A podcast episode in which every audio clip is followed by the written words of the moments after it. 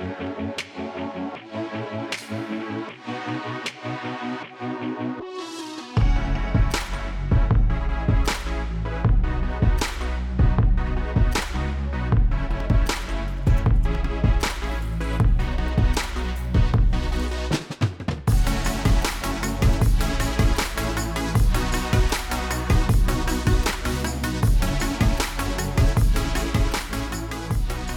kommet til, for jeg kan mærke, at du er i stedet. Jamen, øh, nu kører vi. Ja, vi ruller. Velkommen til CrossFit Ministeriet. Vi er i dagens anledning taget på besøg i Nordic Performance Training. Vi kommer på tur igen. Vi er kommet på tur igen, og det er lidt i forlængelse af vores episode med André HD, som er blevet taget ri- rigtig godt imod. Har allerede haft en, øh, en hel del øh, lyts på den, og, og ligger højt på hitlisterne. Det øh, sætter vi stor pris på. Øh, og dagens episode her, den skal så handle om noget af det, vi har snakket med André om. Og det er øh, styrketræning inden Mhm. for CrossFittens verden. Jeg er den vært, Thomas Frøsi Larsen, og jeg har Philip Puggaard, min tekniker, der sidder og tager lidt billeder her, og min medvært Ja. med. Og vi er, vi, ja, vi er på besøg hos dig, Kasper Vinter. Ja, velkommen til. Tak skal du have. Tak fordi vi må komme. Det er også det. Det skal også lige siges, inden vi begynder at gå i dybden med, øh, med styrketræning, øh, så er det her en sponsoreret episode, lavet i samarbejde med Sportshøjskolen i Aalborg. Simpelthen. Og det er vi bare sindssygt glade for. Det er vores øh, sidste af fem episoder, der er sponsoreret af dem. I, I den her omgang i hvert fald. I den her omgang. Ja, ja, I må meget gerne øh, sponsorere nogle flere til næste år, hvis I har lyst til det. Jamen altså. Og, og det er meget oplagt at snakke om styrketræning, fordi man kan lave en masse styrketræning øh, på Sportshøjskolen i Aalborg. At der har de øh, både en, en linje, hvor man kan lave vægtløftning, mm-hmm. eller selvfølgelig CrossFit. De er lige åbnet op igen, og man kan få rigtig, rigtig mange gains på relativt kort tid. Hvis Har de ikke man, også øh, en, en, styrkeløftslinje, hvor Jo, det er også sådan styr- powerlifting? en powerlift-linje nemlig, og og man kan blive øh, uddannet øh, fitness personlig træner, og øh, yoga øh, kan man også lave og, og blive instruktør i det. Man kan få fuld blad der. Ja, der, der er ret mange ting, man kan, kan tage sig til. Mm. Og hvis man bliver rigtig dygtig til styrketræning og til at øh, programmere, Ja. så kan man virkelig få, øh, få mange gains. Og det er det, vi skal snakke med dig om, øh, Kasper. Mm. Og ja, det kan være, at vi snakker lidt mere om Sportshøjskolen Aalborg lidt senere. Jeg ved i hvert fald, at du skal snakke lidt om dem, Philip. Men På et eller andet tidspunkt. Ja, på et eller andet tidspunkt. Men prøv at beskrive øh, dit, øh, dit træningscenter her. Du ejer det sammen med en anden, en partner. Ja, vi er to, der ejer det, mig og Lukas Iversen. Vi startede det for, ja, det nærmer sig jo snart øh, tre år siden, hvor vi, øh, vi egentlig bare overtog nogle gamle slidte lokaler, som var et gammelt øh, smedeværksted og forhenværende sæbefabrik fra, øh, tilbage fra, fra 2. verdenskrig. Øh, så, øh, så vi har stille og roligt sat det i stand løbende med, at vi har prøvet ligesom at få, få bygget en, øh, en firma og en forretning op. Så det er sådan et, en lang proces, men vi, øh, vi føler, at vi er nået et, et sted, hvor vi er, vil være ret glade for det. Ja, fordi når man kører herud første gang, så er det i hvert fald sådan, at øh, ens GPS, den har i hvert fald ikke fundet ud af, øh, hvad vej man skal køre. Det er et Så- normalt problem. så om det er godt at høre, at jeg ikke er den eneste, der har haft det problem. Men, men det er i hvert fald, det ligger sådan, øh, kan man godt mærke, i, i den helt gamle øh, del af Amager engang, men nu er der så blevet bygget en masse lækre nye boliger rundt omkring. Ja. Vi ligger lidt i smørhullet, altså sådan øh, omringet af, af, af nye, rigtig lækre øh, øh, boligområder. Øh, men vi ligger på noget, der hedder øh, Værmerbanen, som simpelthen bare er en, øh, der, hvor togene kørte før i tiden. Øh, derfor det hedder Værmerbanen. Så det er sådan lidt øh, nostalgisk. for Dengang var man knægt, der voksede op på Amager, der, øh, der lå der togskinner i, i gamle dage. Så du er simpelthen amerikaner. Jeg er ægte amerikaner her. Så der er sket meget herude. Så til at starte med, der har jeg så overtaget øh, den gamle øh, smedje, som der var her. Ja. Og det var et noget mindre lokale, end det er nu. Ja, altså øh, vi har udvidet hele fire gange, øh, i og med at det var lige så delt op i mange små øh, legemål. Så derfor så, hver gang der er nogen, der siger deres legemål op, så er vi mere end, end glade for at få, få mere plads. Selvom det selvfølgelig er, et, øh, det er ikke et stort øh, global gym, vi har med at gøre her. Det er et personligt træningscenter, øh, hvor vi er øh, tre fysioterapeuter, også tre personlige trænere og en enkelt kostvejleder tilknyttet. Så I er, I er fire herude. Vi er fire ja, Ja. i alt. Mm. Tre trænere og en, der hjælper med øh, primært med, med kost. Ja. Og er der så udsigt til, når du siger, at I ligesom har udvidet fire gange, er der udsigt til, at øh, I kan banke døren eller væg ned til naboen fortsat? Vi øh, krydser altid fingre for, at der er mere plads. Vi kan godt lide at, at udvide, så vi får plads til mere udstyr og Mere plads at boldre sig på. mere bolde sig på. Ja. Ja. Godt. Inden vi dykker lidt mere ned i, hvad der så foregår inde i, i centret her, så lad mig høre din sådan, baggrund. Du er autoriseret fysioterapeut. Ja. Ja. Øh, ja, min, ja, det er sådan set min øh, uddannelsesmæssige baggrund ud over øh, diverse kurser, både en, og uddannelser både inden for fysioterapi og, og styrketræning. Nu spørger jeg helt dumt, kan man være ikke autoriseret fysioterapeut? Øh, ja, det kan du godt, hvis ikke du gider have din autorisation. Okay, Det kan man sagtens, men øh, så det er, hvis man ikke lige helt overgår at gøre det færdigt, eller hvordan? ja, altså man kan jo miste sin autorisation, og så kan man også bare vælge at lade være med at, at få den, og man kan også øh, opsige den. Men øh, ja, jeg kender ikke nogen, der har gjort det. Nej, okay. Vi skal snakke om styrketræning, det har jeg sagt nogle gange efterhånden, men din egen baggrund som ja, udøver, atlet, øh, hvad er din egen sådan, fascination af, af den her del af CrossFit? Øh, jeg har, altså i forhold til CrossFit, så er det noget, jeg har sådan, øh, for mange år siden lavet en lille smule af. Faktisk stillet op i Butchers Classic en gang sammen med, øh, med min øh, gode ven dengang, øh, Rasmus Mortensen. Øh, I, den, øh, i A-rækken, eller hvad, hvad man kalder det. Og det var faktisk øh, det var rigtig vildt. Dengang der havde vi masser af tid til at træne, så øh, der var CrossFit bare øh, mere og mere og mere.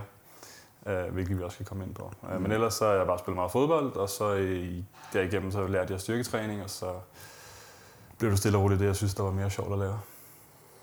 Men det er ikke som, du har dyrket noget sådan øh, elite-niveau i noget specifikt? Ikke, elite, ordet elite bliver jo ligesom kastet rundt uh, utrolig meget i, uh, i alle sportsgrene, men uh, jeg har spillet fodbold på relativt højt plan. Var det fremmed Amager? Jeg har spillet fra Amager blandt andet, ja, og Tornby og Øens hold, Amager United og alt på øen.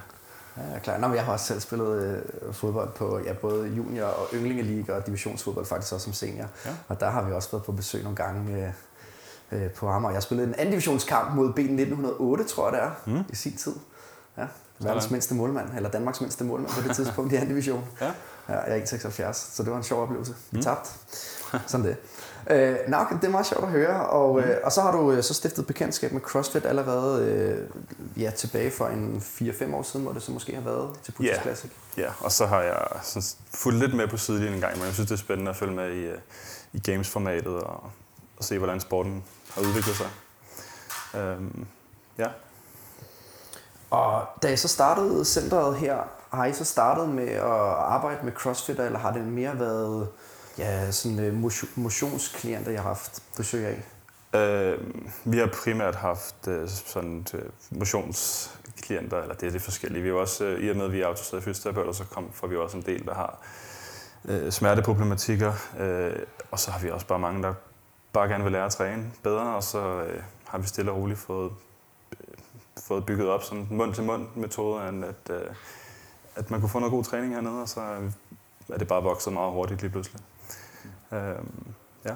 Så det er ikke sådan et, ligesom... Vi er ikke så specialiseret sports performance nødvendigvis overhovedet. Nej. Øh, Og vores tilgang til elitesportsøver er overordnet set også ofte nogle gange lidt det samme, i og med at det bare er individualiseret til Mm, øh, personen. ja. Øh, det er egentlig lige meget, om det er første gang, du er i træningscenter, eller om du, om du lever af at træne. Så når man kommer hernede, hvis man, hvis man kommer hernede, så har man en aftale med, med en af jer fire, der er hernede. Man kommer ikke bare og træner selv. Ja, altså vi, øh, vi, vi har øh, det koncept, at vi har meget, meget få øh, medlemskabspladser reserveret til øh, folk, der har været i forløb, mm. øh, og så har vi et meget lavt medlemskabsloft, sådan så og det kender du også, Thomas, når du kommer og træner hernede. Der er sjældent særlig mange Ja, folk mennesker. lov til at komme ellers. Det skal de ikke bede om. Nej, det kan jeg fandme godt forstå, at I gerne vil altså, vide, hvornår Du har heldigvis kommer. mange steder, du kan træne. Ja, det er okay. Det går lige. Øh, Ja. Men altså, øh, der er en fed dynamik hernede, i med, at vi både har, så sent som i dag, så har André Hodé og Rebecca Widersen stået og trænet samtidig med Philip har en, en ældre herre i, i 80'erne, mm. der træner på samme tid. Det, er sådan, det, det giver et, øh, et meget fedt øh, modspil, og Ja. alle jeg synes, det er, er, er fascinerende og inspirerende på hver sin måde. Mm. Øh, Cool. Ja, og det skal siges, det her det er jo ikke nødvendigvis bare sådan en reklame for øh, Nordic Performance. Det er sådan set øh, min og vores nysgerrighed inden for øh, træning og styrketræning, så inden for CrossFit. Så men jeg synes bare, det er vigtigt, at, at øh, vi Det er lige også får lidt sat- reklame. Det må også godt være lidt reklame. Ja, men det må det også gerne være. Men det, må, det er også bare lidt for, for altså Ja. i talesat, hvad, hvor er vi, øh, hvad har vi at gøre med, og er det et, øh, har det været et, et primært fokus om at få eliteatleter eller sp- sportsudøvere? Det har det jo ikke nødvendigvis været. Øhm, Nej, altså øh, både Lukas og jeg har taget alle øh, sportsfysioterapeutkurser og så videre, og Lukas har en del erfaring med at arbejde med elitesportsøgere.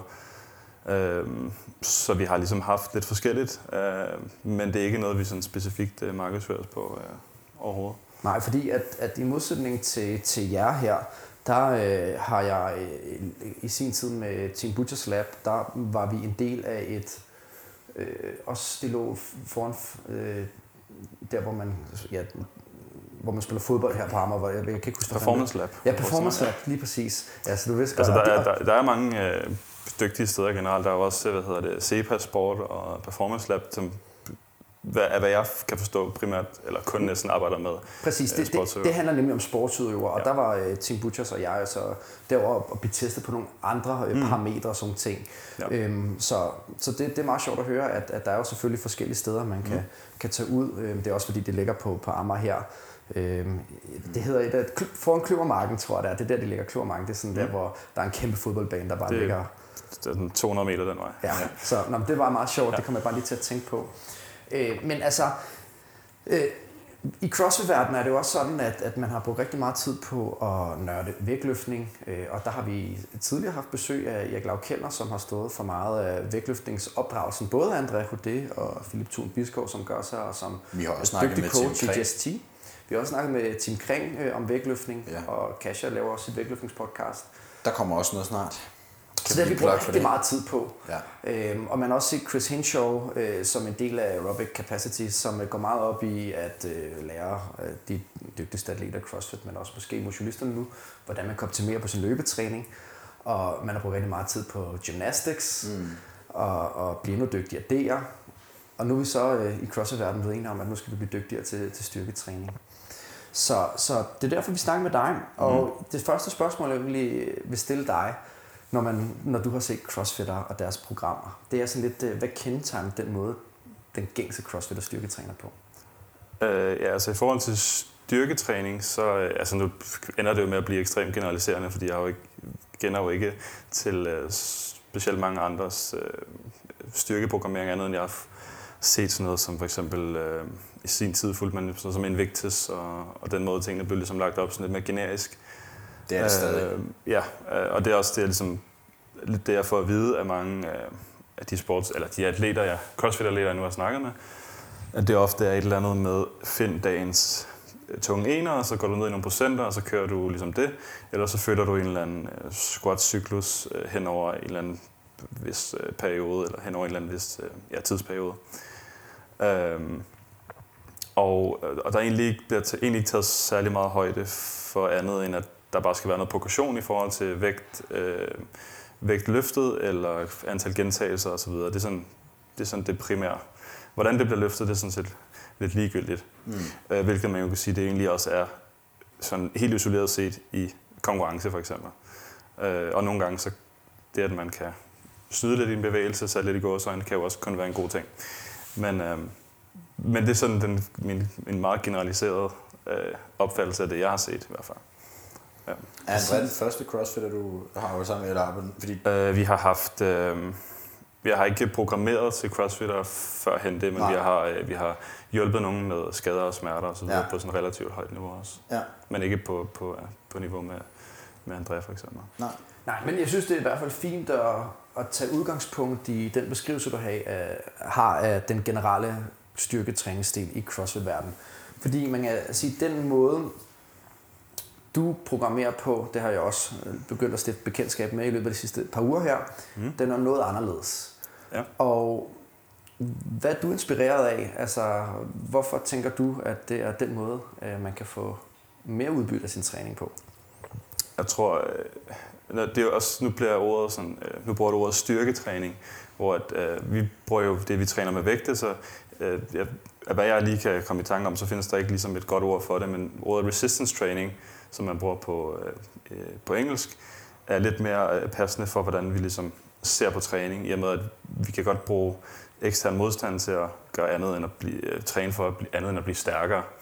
Vi kan bruge det til rigtig mange ting, ligesom vi også gør i CrossFit, hvor mange workouts er meget sådan systemisk, at man bliver træt i hele kroppen, det er ikke så specifikt, og det er heller ikke nødvendigvis et eller andet specifik styrkefremgang.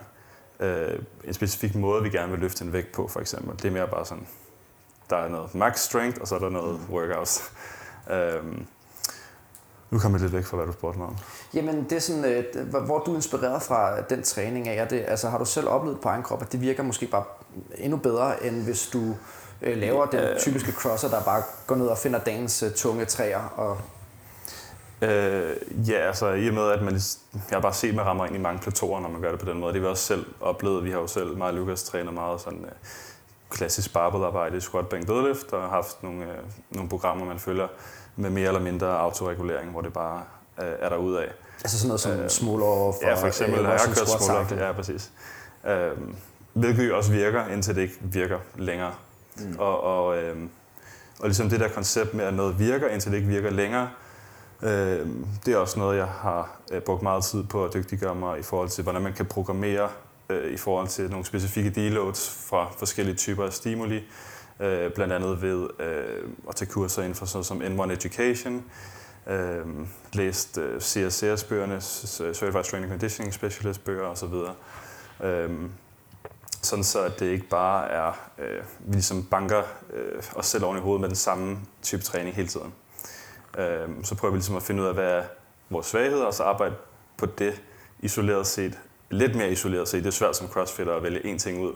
Øh, og så, ligesom, så er det også meget nemmere at måle, om tingene bliver bedre, i stedet for bare at lave det hele på en gang. Sådan en shotgun approach. Der prøver at være lidt mere specifikke. Og man kan sige det sådan, at, at nu, nu går vi måske hen og bliver lidt mere tekniske i podcasten, end nogle lytter nogle gange er vant til. Men det, det skal vi også have lov til, øh, og det er jo også derfor, Det er jo det at, spændende, jo. præcis, at vi har muligheden for at, at gå i dybden med nogle af de her ting her. Mm. Så prøv at beskrive, øh, sådan, øh, jeg har i hvert fald oplevet, når vi squatter, mm. så har vi øh, en lidt anden tilgang til øh, squat. Selvfølgelig er, vægten på ryggen, back squat, og, men, men du går meget op i selve tempoet, og du går op i, at man ligesom ikke bouncer ud af bunden og sådan nogle ting. Hvorfor det?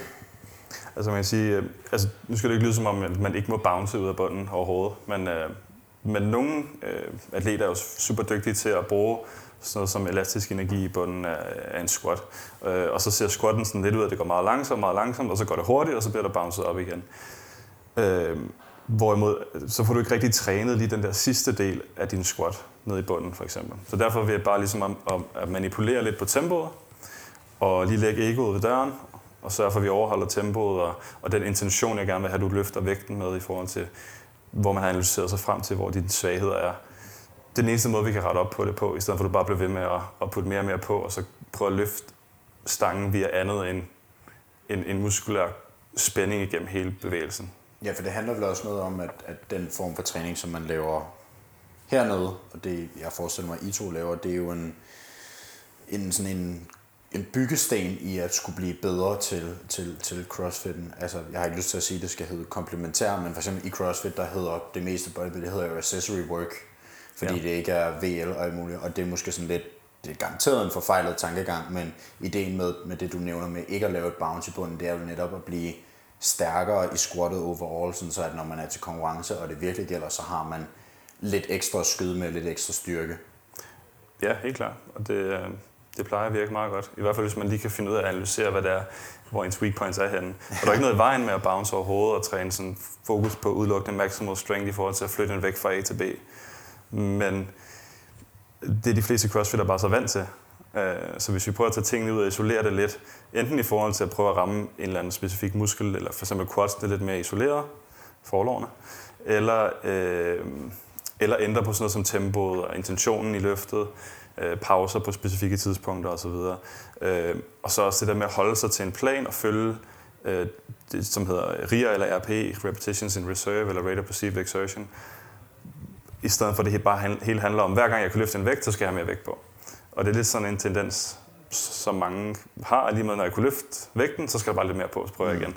Øhm, så det er sådan lidt, øh, nødt til at være lidt tålmodig, og så øh, fikse de ting, der ligesom gør, at man så kan løfte meget tungere vægt med bounce efterfølgende, når man for eksempel skal til konkurrence, eller i sin vægtløftning, eller whatever. Ja, fordi nu forestiller man, at man har lyttet til podcastet med Andrea. Det er ligesom den røde tråd, der er til dagens episode her. Og der snakker han meget om, at han ikke har været op og testet noget max i nogen løft i mange måneder, mm. før han rent faktisk skulle teste 4 front squat og lavede 177,5 km, det var fire gange i modsætning til, at han har lavet en 1 af dem før på 170. Mm. Og det er jo så fordi, at I ligesom har øh, gået ind og analyseret på de svagheder, han har haft i sit løft, hvor han var god til at bruge den elastiske energi i bunden mm. af løftet, og så måske ikke har haft ja, overskuddet øh, halvvejs op igennem løftet. Ja, så, så ja, sådan et læs som André for eksempel, han, øh, han har jo øh, store quads, han har jo, hans krop bliver udsat for en masse volumen, så den responderer ved, at den i hvert fald er blevet større. Men han kan godt blive bedre til at bruge de muskler, han nu engang har på en specifik, den specifikke måde, vi gerne vil have ham til at gøre det. Og den eneste måde, vi ligesom kan gøre det, det er ved at manipulere på øh, øvelsen, så at vi lærer hans nervesystem at gøre det, som vi gerne vil have det. Og at jeg ligesom fortæller ham, hvordan han skal prøve at gøre det samtidig. Øh, så noget, vi har fikset med, det er for eksempel at, at fjerne barbell squat fuldstændig fra programmet, hvilket mange tænker, sådan, det lyder fuldstændig sindssygt, fordi at hvor er specificiteten henne der? Ja, og normalt så siger man jo, at du skal træne det, øh, som du gerne vil være ja, god til. og du skal gerne gøre det ofte, øh, sådan, så du har en høj frekvens på det. Men øh, en atlet som André for eksempel, eller andre på højt niveau, de kan jo godt finde ud af at squatte. Så det er jo ikke, jeg bruger ikke tid på at lære dem at squat. Der kan være nogle små detaljer i setup og så videre, øh, i og med, at man får mange forskellige ting at vide, når man er eliteatlet, fordi man søger hele tiden øh, optimal viden, og det er ikke altid det, man får at vide måske er, er hvad hedder det, det mest optimale for en. Øhm, så har vi for eksempel øh, valgt at bruge en hack squat i stedet for, øh, hvor man kan øh, modificere ekstremt meget på belastningen, hvor belastningen skal være størst osv. Så, videre. så vi ligesom kan arbejde med mere specifikt for Andreas, så var det mere sådan accelerere, fordi hans startstyrke og hans bounce var altså sindssygt godt. Men han var bare ikke så god til at blive ved med at aktivere flere øh, motorneuroner undervejs i sit løft, for eksempel. Og det er rigtig svært, og øh, selvfølgelig kan man lave tempotræning i backsquattet, men det er bare rigtig svært at stimulere lige præcis den del det er, af musklen ja. for at blive bedre til det. Altså det, det er næsten umuligt andet end med, med tempoet og, og, og modificere bare en lille smule på øh, modstandsprofilen i en squat, og i de fleste andre barbed løft. For nogle gør det jo med kæder. Øh. Ja, det, det bruger vi så ikke så meget, ja. øh, men det ser for voldsomt ud, når vi, så tænker jeg for, at vi er sådan rigtig ja, to skaldede fire hernede, der har kæder af øh, Men så er det der, at hacksquatten kommer ind i billedet? Hacksquatten er, er genial, og det er, som, det er en bedre styrkeøvelse end for eksempel en barbell back squat, og så er der mange, der siger, det hvad fanden snakker han nu om, ikke? Øh, men isoleret øh, styrke i quads, jo mere stabil vi, miljø vi kan løfte i, øh, desto mere output kan vi få direkte fra den muskel, vi prøver at gøre stærkere og gøre hjernen bedre til at bruge lige præcis den muskel. Når vi så går tilbage i vores løft, så kan vi løfte mere.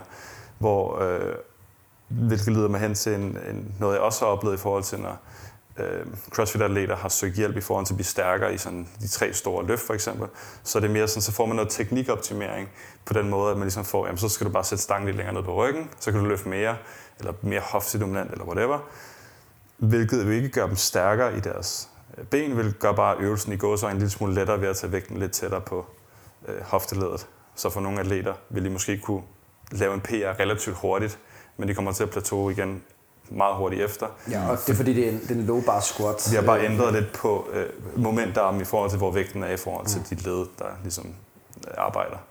Så det bliver en ny øvelse nærmest? Det bliver nemlig en ny øvelse. Og, og, og det har vi ikke brug for. Vi har brug for at blive stærk specifikt i de muskler, som nu engang halter, og på den måde, de nu engang halter efter. Så, så din tilgang er, at du, altså hvis man ønsker at blive stærkere i squatten, så, så analyserer du dig frem til, hvor det er i løftet, man kan profitere mest. Ja. Og nu har vi snakket lidt øh, om André, øh, og i forhold til, hvor han måske har fordel af at arbejde i hacksquatten, mm. øh, så kunne jeg godt tænke mig at spørge dig om, øh, ret ofte har vi nogle atleter, øh, som øh, typisk løfter numsen lidt tidligere, øh, for ligesom at bruge, hvad jeg kalder bagkæden mm. øh, noget mere, fordi at de ligesom ikke har styrken i quadsene. Er der så nogle andre øvelser, du laver med dem, for ligesom at gøre dem dygtigere til den del? Uh, altså man kan hele tiden prøve sådan at finde alle mulige smarte, uh, fancy øvelser, men med rigtig mange muskelgrupper, så findes der bare nogle få, der er super gode. Så dem vælger vi at bruge oftest, uanset hvem det er, vi har med at gøre. Og hvis nu vi bliver ved eksemplet øh, forlovene, som så er det, jeg ofte gerne vil styrke, hvis det var problemet, at man har lyst til at skyde øh, røven tilbage, øh, undskyld mit sprog, for at bruge mere bagkæde. Du kan sige lige, hvad det er. Så skal vi bare lære at bruge, øh, bruge vores øh, quads lidt mere igennem løftet og kunne trykke hårdt igennem med dem. Så findes der ikke bedre øvelser end en hack squat og en leg extension der, der er ikke øh, nogen, der, der er flere øvelser, der kan load vores forlov, men ikke så specifikt, og hvor vi ikke kan i gå så en snyde. Fordi hvis vi har med en barbell back squat at gøre, så hvis du forestiller at du ligesom går ned i løftet, og du får at vide, at du skal tage knæene frem og bruge dine quads, lige så snart at, at dine quads begynder at blive udmattet eller bare lidt udfordret, så vil dit nervesystem begynde at vælge den letteste måde. Så det kan godt være, at de første tre gentagelser er super gode med quads, men så lige pludselig begynder du at skyde bagdel mere og mere bagud, mere og mere bagud, og sidst så ender det med, hvis du i hvert fald kører relativt mange reps eller whatever, så det ender med at ligne øh, mere en good morning, end det ligner en, en, en squat, en squatty squat i forhold til, at man ligesom mm. bøjer knæene. Ikke? Ja. Så bliver det meget uspecifikt lige pludselig, selvom at ideen er, at det skal være meget specifikt, øh, fordi det er et barbell lift.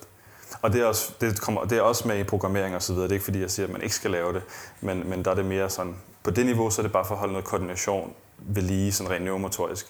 Og så lære at få mere ud af de muskler, der skal trykke vægten op, simpelthen.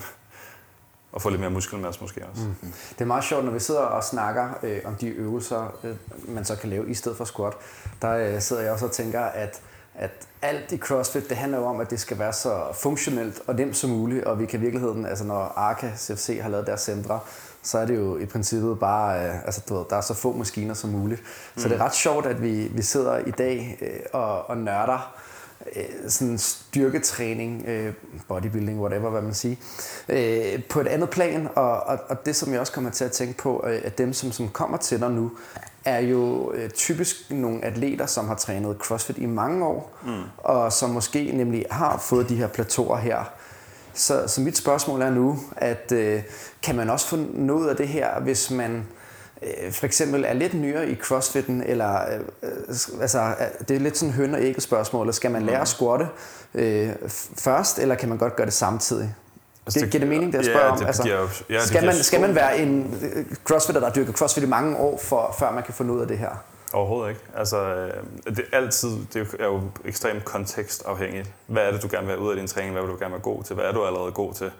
Så det er jo sådan meget svært at give sådan et specifikt øh, svar på. Men, men måden, vi programmerer, og jeg programmerer til, om det er elitesportsøger eller whatever, eller elite crossfitter, det er egentlig bare at, at vi er selvfølgelig højde for, hvad er målsætningen, og hvor er udgangspunktet, og, og så er der så selvfølgelig også noget med præferencer, fordi at nogle gange skal man også passe på med at smide ting ind, som er alt for uventet i forhold til, hvad man tænker, man skal lave, fordi så fremstår man over for klienten bare som en, der ikke har styr på, hvad man laver, hvis det går helt imod det, man tænker er det normale. Men øh, det var et lille, lille sidespring. Øh, men, men egentlig så programmerer vi lidt på samme måde. Vi går efter, hvilken type stress eller stimuli er det, vi gerne vil udsætte personen for, og så modificerer vi træning på den måde. Og det er jo ikke nødvendigvis noget, vi behøver at kommunikere, men det er alligevel noget, vi går op i og prøver ligesom at, at, at, at sådan følge os lidt frem til, hvor meget vil personen gerne uddannes. Fordi der, der er også, der, jeg får tit kritik for, at det er alt for avanceret og sådan noget. Men i mine øjne er det mange af de ting, vi laver, overhovedet ikke avanceret. Så det bare handler om, hvordan man, man leverer produkter. Nogle gider slet ikke høre, hvad det er, man snakker om. Og andre de vil bare gerne have, at man taler igennem hele sessionen omkring, øh, hvorfor vi gør tingene, og hvordan kan vi gøre det anderledes, og hvordan kan vi optimere, og hvorfor, øh, hvorfor bliver du øm af det her, hvorfor bliver jeg ikke øm af det her, og hvad er ideen med træning. Jeg synes, det er ekstremt vigtigt, at man kan fortælle atleten, eller om det er nogen, der aldrig har trænet før, hvad er det, vi forventer, der kommer til at ske, og hvad skal du ligesom holde øje med, der kommer til at ske øh, efter en træning, hjem, hvis vi træner musklerne på forskellige måder, eller øh, hvilken biomarkør og hvilken performance-markør er det, vi regner med går den her vej. Fordi det er den eneste måde, vi kan måle, om tingene virker. Og det kan nogle gange være en udfordring i CrossFit, når der er så mange typer af stimuli, vi tilføjer kroppen på samme tid. Øh, så det er der, hvor det, det kræver virkelig... Øh, nu er jeg jo på ingen måde ekspert i CrossFit-programmering, så nu har jeg arbejder for eksempel også med Frederik Fransen, og hun har jo en ekstremt dygtig træner i, i form af Philip øh, Biskov. Mm. Så der er også nogle udfordringer forhold til, hvordan får vi lige det her øh, mixet sammen.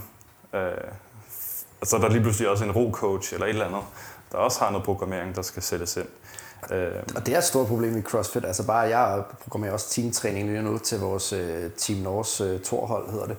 Øh, og, og der er altså også nogle andre træner, der, øh, og Philip han også træner for en af atleterne der, og øh, øh Thor, Torbjørn er, også, er det meget ja, og Torbjørn er træner for de to andre, ikke? Og, ja, og, og så lige pludselig skal jeg jo ligesom øh, også på en eller anden måde øh, prøve, og i hvert fald bare levere nogle workouts lidt tidligere, så de ligesom øh, kan tage udgangspunkt for resten af ugens ja. træning i dem. Ikke? Og så kan du vide, så, du kan vide alt omkring øh, volumen og hvordan vi træner forskellige muskler på osv., men det, det kan bare være lidt umuligt at ramme den lige i røven hele tiden. Øh, men det er hele tiden en konstant kommunikation mellem os atlet og træner og trænere. Øh, og så øh, autoregulerer vi og modificerer helt vildt meget, altså med, når, det, når det kommer til atleter. Det gør vi sådan set også med, med her fra Danmark, vil jeg sige, men, men bare på et lidt andet, andet plan. Øh, for, for ofte så har vi jo, om, om det er elitesportsøger, eller hvis, hvis du har en, der lever af det, der kun træner, så er det lidt nemmere i forhold til sådan at, at, at lave nogle resolutionstiltag. Men hvis du, de fleste er ikke, de har ikke det problem, de træner for meget eller for hårdt. De har mere det problem, at de ikke øh, restituerer godt nok. Altså, der er brug for noget øh, optimering der. Men når man har med, med nogen at gøre, der ligesom kan restituere, så begynder det at være lidt sjovere i forhold til, så kan man så kan man begynde at programmere, programmere lidt flere ting ind.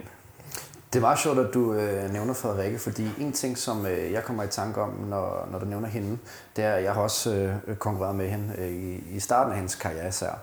Øh, karriere, det lyder så sjovt, men i hvert fald startede hendes øh, CrossFit-tid. Og der havde hun mange øh, småskader øh, med, med hver, ikke som det var skulder eller albuer, men der var i hvert fald en del der øh, og, og, og strugglede med ring muscle ups dengang også. Altså sådan, for hun var ikke stærk nok til at, ligesom at dippe ud af det. Og der tror jeg, at der er mange, øh, især måske kvinder, der mm. kan få rigtig meget godt af den tilgang til øh, styrketræningen, øh, som du har, fordi at den ligesom også er med til at skabe noget muskelmasse. Ja, øh, altså erfaringsmæssigt med det, jeg nu har arbejder med, så går der relativt hurtigt, så tager de sådan rimelig meget på i kropsvægt, i og med at vi laver mere sådan, øh, vi næsten hellere kalde det bodybuilding, øh, inspirerede øvelser, eller øh, accessory arbejde, vil nogen kalde det. øh, og, og der, det er noget, der spiller rigtig meget ind der, det er måden, man laver øvelserne på. Så et klassisk eksempel, øh, nu vil jeg ikke snakke om, hvilken atleter, der har skader osv., fordi det tænker jeg ikke alle Øh, Nej, der er sikkert noget GDPR og sådan ja, ting, men jeg snakker om øh, gamle dage og mine egne ja, anekdotiske øh, øh, oplevelser, men, når jeg har men det, er men det er en helt normal ting for eksempel at, at opleve, at man bliver meget træt i armene, når man laver sådan som dips og muscle-ups og rope climbs, eller at man får måske, måske føler sig træt, eller måske endda nogle gange får lidt ondt på forsiden af skulderen, fordi man har ekstremt meget volumen, hvor skulderen glider meget frem, for eksempel i dips og, og, og push-ups osv. Og, og nogle gange så er fikset bare så super simpelt, at man bare skal lære at trække eller presse med andet end sin øh, arm. Øh, det, det tager bare lige nogle få sessioner, så kan man godt blive god til at lave sådan noget som dips og rows og curl-variationer og lateral raise og y-raises, Øh, ligesom du øh, har kendt fra nogle af de sessioner, vi har haft. Øh, det der er lidt forskel på, hvordan jeg har været vant til at lave dem, og så de små tweaks i forhold til, hvor godt det føles. Så når du også går fra sessionen, så har du det faktisk bedre i, i kroppen. Øh, så vi kan sagtens lægge en masse volumen ind, som egentlig ikke gør andet end nærmest bare hjælper dig med at restituere til din næste træning, og du har det bedre, samtidig med at du bliver bedre til at bruge nogle muligvis større og stærkere muskler, som du kan bruge i sådan noget som for eksempel øh, i toppen af din øh, ring muscle ups for eksempel. Mm. Øh, så det er sådan lidt en win-win på mange områder. Øh, den lille ekstra volumen, man kan smide på. Og så måden, nu, der er mange, de tænker måske, det bliver ved med at smide ting på i forhold til volumen så er der bare en masse overvejelser, vi kan gøre i forhold til programmæssigt, hvor i bevægelsen er øvelsen hårdest. Hvis vi laver øvelser, der altid er hårdest, der hvor musklen er sat på stræk for eksempel, så er det lige pludselig, at, at den volumen bliver meget mere signifikant i forhold til, at det er noget, man bliver øm af, det er noget, der tager længere tid at restituere fra. Så ved at bruge sådan noget som kabler og så videre, så kan vi modificere både på, hvor hårdt er det på den sænkende fase eller den ekscentriske fase, og vi kan sørge for, at øvelsen er hårdest i den del, hvor det ikke er så det, der hedder mekanisk traume inducerende. Man bliver ikke lige så øm af det, man laver lige så meget muskelskade. Ikke, at det, er en god, det er ikke nødvendigvis en dårlig ting at lave muskelskade, skal de siges. Men det er så meget længere tid at restaurere fra, og det er ikke en god ting, når man er øh, elitesportsatlet, og man er tæt i sæson og så videre. Mm. Øhm, så er nogle af de overvejelser, man, det er det ekstra lag. Altså vi kan hele tiden gå ned i down the rabbit hole i forhold til, hvordan man kan optimere på rigtig mange parametre. Hvordan, øh, når, når du så får besøg af at Frederikke og Andrea og, og, og også Rebecca, øh, ved jeg, er, er herude, og du ligesom, de har jo også nogle andre øh, typer træning, der ligesom skal passes til, mm. øh, og som de skal nå at lave. Øh, CrossFit er jo, vil jeg sige, nærmest øh, notorisk for virkelig store mængder af, af sådan ja. træning, og mange forskellige øh, PAS, så er der noget conditioning, så er der noget strong man, så er der noget VL, så er der alt muligt. Øhm, hvordan ser den type træning, som I laver herude, altså hvad tænker du om CrossFit-programmering, når du ser det? Nu har vi snakket lidt om, at det kan være sådan, det kan være generisk, altså eksempel Invictus og, og sådan noget, mm. men, men hvor er det, du sådan tænker, fordi der er, jo ikke, der er jo ikke nogen, der har the golden bullet i forhold til, at det er sådan her, man skal træne, så bliver man nej, nej. den bedste øh, i, i hele verden. Men er der sådan noget, hvor du, når du kigger på CrossFit-træning, at du tænker, hvis CrossFitter, elite eller ej, kunne gøre sig selv en tjeneste og gøre det her lidt mere, så mm. tror jeg, at de fleste vil have en, en sjovere oplevelse, eller blive bedre, eller måske stagnere ikke lige så tit osv. Det kommer også igen ekstremt meget på, an på, hvilken person Klar. det er, hvilken atlet osv., fordi om det er en eliteatlet, eller om en, der bare går på hold og følger lige præcis noget, noget generisk. Så, øh, men altså, jeg, jeg øh, vil jo ikke gøre mig øh, til ekspert på øh, programmering inden for CrossFit. Der er, der, er, der er jo så mange ting, man skal være rigtig god til. Ja, ja. Så på den måde så adskiller det sig rigtig meget fra, hvordan jeg typisk vil gå til en øh, klient, der bare et gåsøjne måske har døjer med noget, har lidt ondt en gang imellem ryggen og skuldrene osv., men bare vil gerne i lidt bedre form og have det bedre generelt. Øh, der vælger man som regel lige pludselig nogle ting ud, som man gerne vil blive bedre mm. til en eller anden type stress eller stimuli på kroppen, så det kan være sådan enten muskelopbyggende stimuli, eller det kan være noget kondi- mere konditionskrævende, eller det kan være styrkebaseret, eller mange andre ting. Hvor i CrossFit, der skal det være lidt af det hele. Så, så det er lidt en stor udfordring. Men det, ja. der, kan, det, der især kan hjælpe uh, CrossFitter, tænker jeg i hvert fald, det er at uh, se, at der findes andet end barbell løft. Mm. Øh, I og med, at du, som du selv siger, der er alle de der strongman-ting og vægtløftning og så videre, som er meget barbell specifikt, som er meget komplekse øvelser, hvor vi loader sådan hele kroppen, og, og øh, vi skal stabilisere øh, rygsøjlen samtidig så videre. Ikke at det er en dårlig ting, men det, det er hårdt. Øh, det er hårdt både for, for især for nervesystemet at restituere fra. Mm. Hvis vi så bruger lidt mere maskiner, så kan vi blive ekstremt gode til at få mere ud af de øh, individuelle muskler. Vi kan også godt lave compound øvelser i maskiner, som benpres, hack squat osv. Øhm, og, og vi kan træne i andre dele af musklens bevægelse, øh, så vi kan til, de, kan til, de kan blive bedre til for en masse træning, uden at det er hårdt for deres led, deres knæ, og de restituerer øh, hurtigere. Så jeg har jo også øh, haft øh, under øh, lockdown og så videre, og øh, en, med, rent fysioterapeutisk haft haft personer, som er gået til CrossFit og måske har fået ondt i deres knæ og så videre. Ja. Så nogle gange så er det bare lige at se det fra et uh, for fuld perspektiv og se det lidt mere objektivt på mm. det. Sådan, vi skal sætte noget system i, hvad du er, du laver. Fordi ja. hvis du går på hold en dag, og så er der 100 wallballs, så dagen efter, så er der wallballs på en workout igen, eller thrusters. Så sådan, du bliver ved med at belaste mm. musken på samme måde, og din led på samme måde. Så giver det jo rigtig god mening, at så, så er det i hvert fald sandsynlighed for, at det er fordi, at man kommer til at overtræne. Ja. Øh, det er meget nemmere, hvis man kan justere sin volumen lidt mere ud. Mm. Ja. På andre måder end kun at lave de specifikke øvelser. Fordi din, igen som eksempel, din quadriceps, din quads, din forlov, de er sådan set lidt ligeglade med, om det er en squat, eller om det er en leg extension, du træner dem i. Sådan meget overordnet set. En stærkere muskel er en stærkere muskel. Ja. Altså, det er bare sådan der. Ja, og på den note, så tænker vi, tager en, øh, en pause, før vi uh, det jeg lige sige. spørgerækken her. Præcis. Mm. Jeg tror, vi, vi holder lige en pause. God kaffe.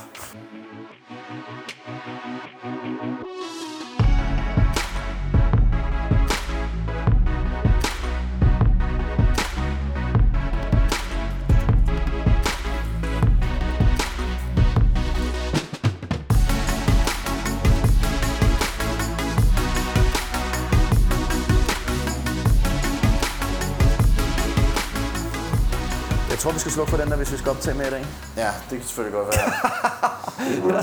det kan jeg da godt høre nu, hvor jeg får, helvede på. Ja, vi er også tæt på Kastrup Lufthavn. Så. Ja. Det er jo... Sådan er det. Præcis. Det bliver en klassisk, det bliver en kæmpe indledning, det her. Vi ruller igen. Jeg har trykket på play, så nu ser hvor mange sekunder hen at tage med. Vi ruller igen. Velkommen ja. tilbage til CrossFit Ministeriet. Jeg er din vært, Thomas Frysi Larsen. Jeg øh, snakker alt for lidt om mig selv og hvad jeg laver. Nej, det, det gør jeg nok ikke. I synes nok, det er meget rart, at jeg ikke snakker mere om det. Uh, jeg har Philip Puggaard, ja. snart uh, kommende officer. Nej, du, du skal ikke jinx den nu. Nej, okay, Nej. Ja, det er klart. Og, og så har vi jo selvfølgelig Kasper Winter på besøg, ja. autoriseret fysioterapeut, medejer af Nordic Performance. Ja. Og vi er nået til anden halvleg af vores podcast om styrketræning i CrossFit især. Men inden vi sparker den i gang, Så skal vi snakke lidt om, at man Hvad kan, man også rej- kan. Ja, hvad man også kan på Sportshøjskolen i Aalborg, som er samarbejdspartner på episoden. Præcis. Og man kan, ja, det fortæller du lige, lige om lidt, men man kan også rejse, ved jeg. det kan man nemlig Øh, og det kan vi forhåbentlig igen, efter coronarestriktionerne er blevet lidt mere øh, ja, lempelige. lempelige. Ja, fordi udover at man kan lave en masse styrketræning deroppe i form af crossfit og vægtløftning og styrkeløft og alt muligt andet, så kan man også noget, som jeg synes er sindssygt fedt, og som jeg også har investeret i, det er, at man kan tage på surferlinje. Og så kan man lære alt muligt om surfing og øh, vandsport, og jeg har i hvert fald investeret sidste sommer i et øh, stand-up paddleboard, øh, ligesom til synlæderne resten af København øh, også har gjort. Og så øh, prøvet at, at fyre den af rundt i Københavns kanaler. Øh, og også været herude ved øh, Amager Strandpark, som er lidt mere nærliggende. Øhm, og også ud ude at stå flere steder i Vassarløen. Det synes jeg er sådan en god måde at få et afbræk på. Øhm, så hvis man også godt kan lide og er lidt en vandhund, så, øh, så kan man jo garanteret kombinere de to ting. Øh, fordi der er nemlig mulighed for at komme, hvis man tager surfing som fag, så kan man også stadig komme med på en CrossFit-rejse til Europa, og man kan også komme med på surfetur til Sydfrankrig, og altså stadig komme med til La, La Santa og prøve alt det andet. Så hvis man nu er lidt til, til begge dele, ligesom jeg for eksempel er, så, øh, så kunne det jo meget vel være, øh, at det var en mulighed. Ja, jeg så faktisk forleden, at jeg har også været på La Santa Sport en øh, fem gange, tror jeg det er. Det er bare mange, mange år siden efterhånden. Men øh, det er nogle af de fedeste ferier, jeg har haft, og de har lavet et nyt CrossFit-område der. Så må ikke, at det er noget, at Sportshøjskolen også skal tjekke ud, når de øh, forhåbentlig må rejse på et tidspunkt med deres elever igen. Præcis. Ja. Så jeg tjek det ud på hjemmesiden. Vi sidder og snakker en masse om det, men jeg ikke... Ja, eller jeg, finde det på Instagram. Ja, ja, eller finde det på Instagram. Mm. Og, og så kan jeg finde en masse oplysninger om, hvordan man kan sign up til, øh, til, Eller- at, til et ophold. Eller også så kan I altid bombardere Thomas i, i hans egen private Ja, Instagram. DM. Jeg lover, han svarer. Han er Ja. rigtig god. Han er hurtig. Jamen altså, jeg kunne godt bruge nogle flere følgere, så øh, I skal følge mig, så svarer jeg. I skriver bare. Godt. Hvor kom vi fra, Thomas? Ja, anden halvleg. Jeg øh, vil prøve at starte med sådan, øh, nu, nu vil jeg prøve at skyde øh, din øh, træning ned. Øh, nu, nu skal vi se, øh, hvor bulletproof den er. Øh, nu er jeg øh, crossfitter, og øh, jeg har kun så mange antal sessions til rådighed, fordi jeg som sagt også har øh, et liv ved siden af crossfit, og har ikke tid til at, at kun at, at, at, at træne. Så derfor, at, mm, altså, skal man bruge 4-5 gange om ugen på den her træning, eller kan man også godt få noget af den, hvis man kun har 1-2 gange om ugen til rådighed? 1 til 2 er jo meget bedre end 0, kan man sige. Og øh, en ting i, i forhold til programmering er jo også sådan noget som øh, ja, både logistiske overvejelser, hvad, hvad har man af tid, og øh, hvor meget kan man også restituere fra, som du også lidt lægger op til dit spørgsmål. Ja, for det, har vi, Øh, det snakkede vi lidt ja. om. Det, det, det var der, vi slap før pausen. For hvis, hvis, du, hvis du har øh, et travlt arbejde, du ikke, måske ikke får så meget søvn, du også har en familie, du gerne vil se osv., så det er jo alt sammen noget, vi skal balancere ind i forhold til, hvordan vi gerne vil programmere, øh, og hvilken type træningsstimuli er det, vi udsætter din krop for. Er, det, er vi nødt til at lave rigtig meget, eller kan vi slippe afsted med bare at lave lidt? Så og det er jo det fede ved at kunne sådan skifte lidt imellem, øh, hvilken type træning vi fokuserer allermest på. Fordi noget er hårdere for kroppen end, øh, end andet, og så kan vi, det er altid dejligt at have høj frekvens, så vi kan træne lidt mere, lidt, lidt, mere, øh, lidt oftere. Øh, så på den måde så kan volumen være lidt lavere på hver træning. Øh, det er lidt svært at få rigtig meget ind på en enkelt dag.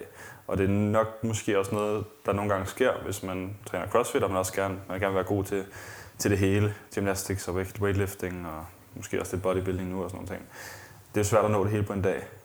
Øh, så, så på den måde så er der en hel masse udfordringer i det. Men det er jo der, hvor at det, at man har en træner, det er jo en øh, kommunikations- og en af, forventningsafstemning, der skal ske der.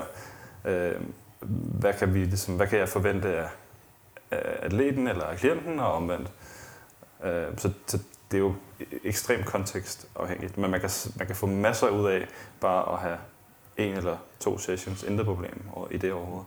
Så ville vi bare dele træningen anderledes op, end hvis vi havde det, der måske var optimalt, som ofte er måske for de fleste, men for de fleste tre til fire gange om ugen måske. Ja, fordi at min oplevelse er, at jeg tror, hvis det ikke var fordi, jeg havde brugt så meget tid på vægtløftning først, og har fået teknikken på plads der, og øh, gymnastics, øh, altså sådan som chest to bars, øh, butterfly, pull-up, som kan tage rigtig lang tid at mestre, og stå på hænder, gå på hænder, muscle up selvfølgelig, som også er en stor udfordring for rigtig mange, så, øh, så vil jeg have svært ved at, at altså, så vil det nok ikke være styrketræningsdelen, jeg vil lægge fire sessions om ugen øh, mm. i, som jeg har lige nu. Mm. Fordi jeg har i hvert fald ikke så meget tid til os at så lave de ting, jeg lige nævnte her. Mm. Så det, det er nemlig også alt afhængigt, hvor man er i sin øh, udvikling som atlet, og hvor meget tid man har til rådighed, i forhold til, hvor man skal placere de æg, man har til rådighed. Helt klart. Men, øh, men nu vil programmeringen til Ikke, sådan en ikke som dig... den kur, man har til rådighed. ja, præcis. Nu vil programmeringen til dig, en som dig jo også være nødt til at være så og så meget mere gå så en uh, all around. Du skal, du skal, der er mange ting, du skal kunne, også på, uh, på BB-siden, og jeg siger styrketræningssiden. Um, så derfor så sådan noget som fire pas nærmest næsten en nødvendighed. Men med, med en som André for eksempel, har vi også været nede og have en periode med kun tre pas. Uh, alt kan lade sig gøre. Der, er- der er forskel på optimalt, og så hvad der er godt, og hvad der er fint. Men uh, Nu har du nævnt restitution et par gange. ja, Hvad, hvad, hvornår er man god til at restituere? Fordi det beder jeg mærke i første halvleg, det er, at du siger, at der er nogen, der er gode til at restituere, og så har du måske nogen, der som måske ikke er så gode til at restituere, eller nogen, der kan finde ud af det og sådan noget. Hvad er god restitution? Det er jo alle de parametre, vi, vi måler på uden for træningscenteret. Altså, Det er jo allervigtigst, sådan noget som søvn, og får du nok næringsstoffer, og mm. øh, hvor meget stress har du i liv og så videre. For det træning, det er jo stress, som vi lægger oven på en eller anden vis grad af stress, du allerede har i forvejen. Ja. Øh, så, så derfor så, så er det også altid noget, der er en del af den vurdering, man laver i forhold til programmering. Det er, hvordan ser dit liv ud uden for træningscenteret. Mm. Og i de, i de fleste tilfælde, så skal træning jo hjælpe dem med at blive bedre. De skal og måske også gerne, eller oftest gerne også have det bedre, når de ikke er i træningscenter. Det er jo, det er jo et problem, når man går til træning, og man nærmest får det værre af det. Noget af det, vi får øh, rigtig mange øh, hernede, først når de måske er løbet ind i sådan noget som øh, en, en skade eller nogle smerter, det er nogen, der måske har, har prøvet i rigtig mange år at komme i god form og gået på meget sådan alt for meget måske bootcamp-agtig træning, og virkelig bare kørt sig selv rigtig meget ned. Øh, hvor at vi, sådan, vi skal lige have dig tilbage til baseline.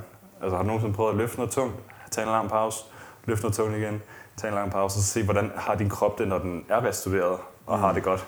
Fordi så kan vi begynde at tilføje ting, og så kan vi se, om det går den rigtige retning. For jeg, hvis jeg ikke aner, hvor din baseline er, så kan jeg ikke vide, om det vi nu engang gør, gør noget godt for dig, eller om det gør noget dårligt for dig. Hele tiden i en samtidig vurdering og snakke omkring, hvordan det går uden for træningscenteret. Fordi at man kan ikke altid tilskrive det, at man måske har, har det værre, at det er noget, man har lavet i træningscenteret. Så det er jo, det er jo derfor, kommunikation er så sindssygt vigtigt mellem en uh, træner og atlet. Ja, og, og, for, og det leder mig næsten, øh, eller over til næste sådan, øh, øh, spørgsmål, som kan være sådan lidt af kritisk karakter, fordi øh, hvis jeg tager mig selv som udgangspunkt, det er, at øh, jeg kan godt have perioder, hvor jeg for eksempel har rigtig meget arbejde og rigtig lidt arbejde, alt afhængig af, øh, fordi jeg også lever af at lave PT og undervisning. Mm. Så nogle perioder er jo bare mere stresset end andre. Og nogle perioder, så er der også øh, noget konkurrence, der kan indflydelse på, om hvor meget øh, sådan, fokus man kan lægge på selve styrketræningskontra den lidt mere specifikke øh, CrossFit workout-del, mm. sportsspecifikke del. Så, så nogle gange så vil jeg kunne opleve, at når det er ud fra REA-konceptet, så kan jeg, de første tre uger kan jeg have sådan en, en god progression. Mm. I, øh, jeg, bliver, jeg, jeg føler, at jeg bliver stærkere. Jeg får i hvert fald flere kilo på fra gang til gang. Men så kan jeg også komme ind i en periode, hvor lige pludselig, øh, du ved, så røg vi nærmest bare ned forfra. Så mit spørgsmål er sådan lidt øh, i forhold til det med og sådan ting. Kan man ikke risikere nogle gange, at så kommer der lige sådan tre uger, hvor man, fordi at det er jo ud fra den fornemmelse, man har i kroppen på dagen, at man nærmest ikke har nogen progression på grund af det. Jo, det kan man sagtens. Så jeg kan altid løbe, løbe ind i nogle, øh, øh, nogle plateauer, vil jeg sige. Øh, og det kan enten være, det kan enten være fordi, at vi øh, træner med for høj intensitet, eller for høj volumen, eller en blanding, eller du ikke restituerer tilstrækkeligt, eller vi er nået til et punkt, hvor du simpelthen er nødt til at træne for hårdt, for at kunne se, øh, hårdere end det, du enten har tid til, øh, eller mere end du har tid til, eller hårdere end du kan restituere fra, ved mindre vi er nødt til at holde sådan to ugers pause mellem hver pas for eksempel.